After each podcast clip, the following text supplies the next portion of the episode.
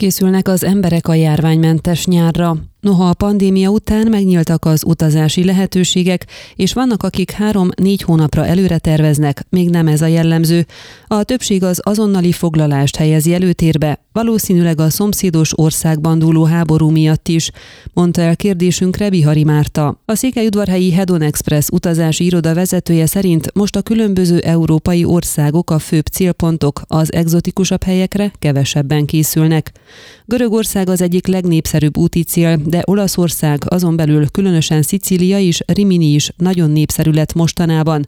Bulgária pedig évek óta töretlenül népszerű a nyaralók körében, és ez így van idén is. Az utazási iroda vezetője úgy tapasztalja, hogy egyre többen vágynak aktív kikapcsolódásra, ezért nőhet azoknak az országoknak a népszerűsége, ahol rengeteg a látnivaló, a fakultatív program nem csupán pihenésre nyújtanak lehetőséget. Érdekesnek találja ugyanakkor, hogy az utóbbi időben egyre többen repülőgéppel szeretnének utazni. Ez a jelenlegi helyzetben magyarázható a megemelkedett üzemanyagárakkal is, hiszen emiatt jelentősen megugrott a buszos kirándulások költsége, de a jelenség már a drágulás előtt is megfigyel megfigyelhető volt, ugyanis felgyorsult világunkban az emberek igyekeznek minél kevesebb időt eltölteni az út megtételével, mutatott rá Bihari Márta. Kérdésünkre, hogy a különböző szállodák által kínált all-inclusiv ellátást, vagy inkább az apartmanokat részesítik előnyben az utazók, az irodavezető elmondta, tapasztalatai szerint a döntés több különböző szempont figyelembevételével születik meg. Nagyban függ az úti céltól is, például Törökország, Bulgária, Egyiptom és Tunézia azok a helyek, amelyek kimondottan az all-inclusive ellátásra vannak berendezkedve. Ezekben az országokban ennek a szolgáltatásnak az ára is kedvező. Akik kimondottan pihenésre, kikapcsolódásra vágynak, általában ezen úti célok valamelyikét választják. Ezzel szemben például Olaszországba vagy Görögországba inkább az aktív kikapcsolódásra vágyók utaznak, akiknek nem éri meg az all-inclusive ellátást igényelni.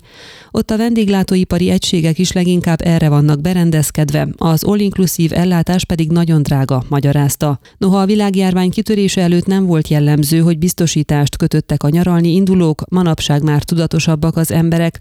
Az előre foglalók nagy többsége a turisztikai biztosítás mellett az úgynevezett storno biztosítást utazást is igényli, amely egyfajta garancia, ha az utazást befizető valamilyen probléma miatt nem tud elutazni a megjelölt időpontban, akkor az általa befizetett összeget biztosítási ajánlattól függően részben vagy egészben visszakapja. A legtöbb utazás közvetítő irodának egyébként szerződése van valamelyik biztosítótársasággal, ami megkönnyíti az utazók dolgát, hiszen így nem kell külön felvenniük a kapcsolatot egy brókerrel.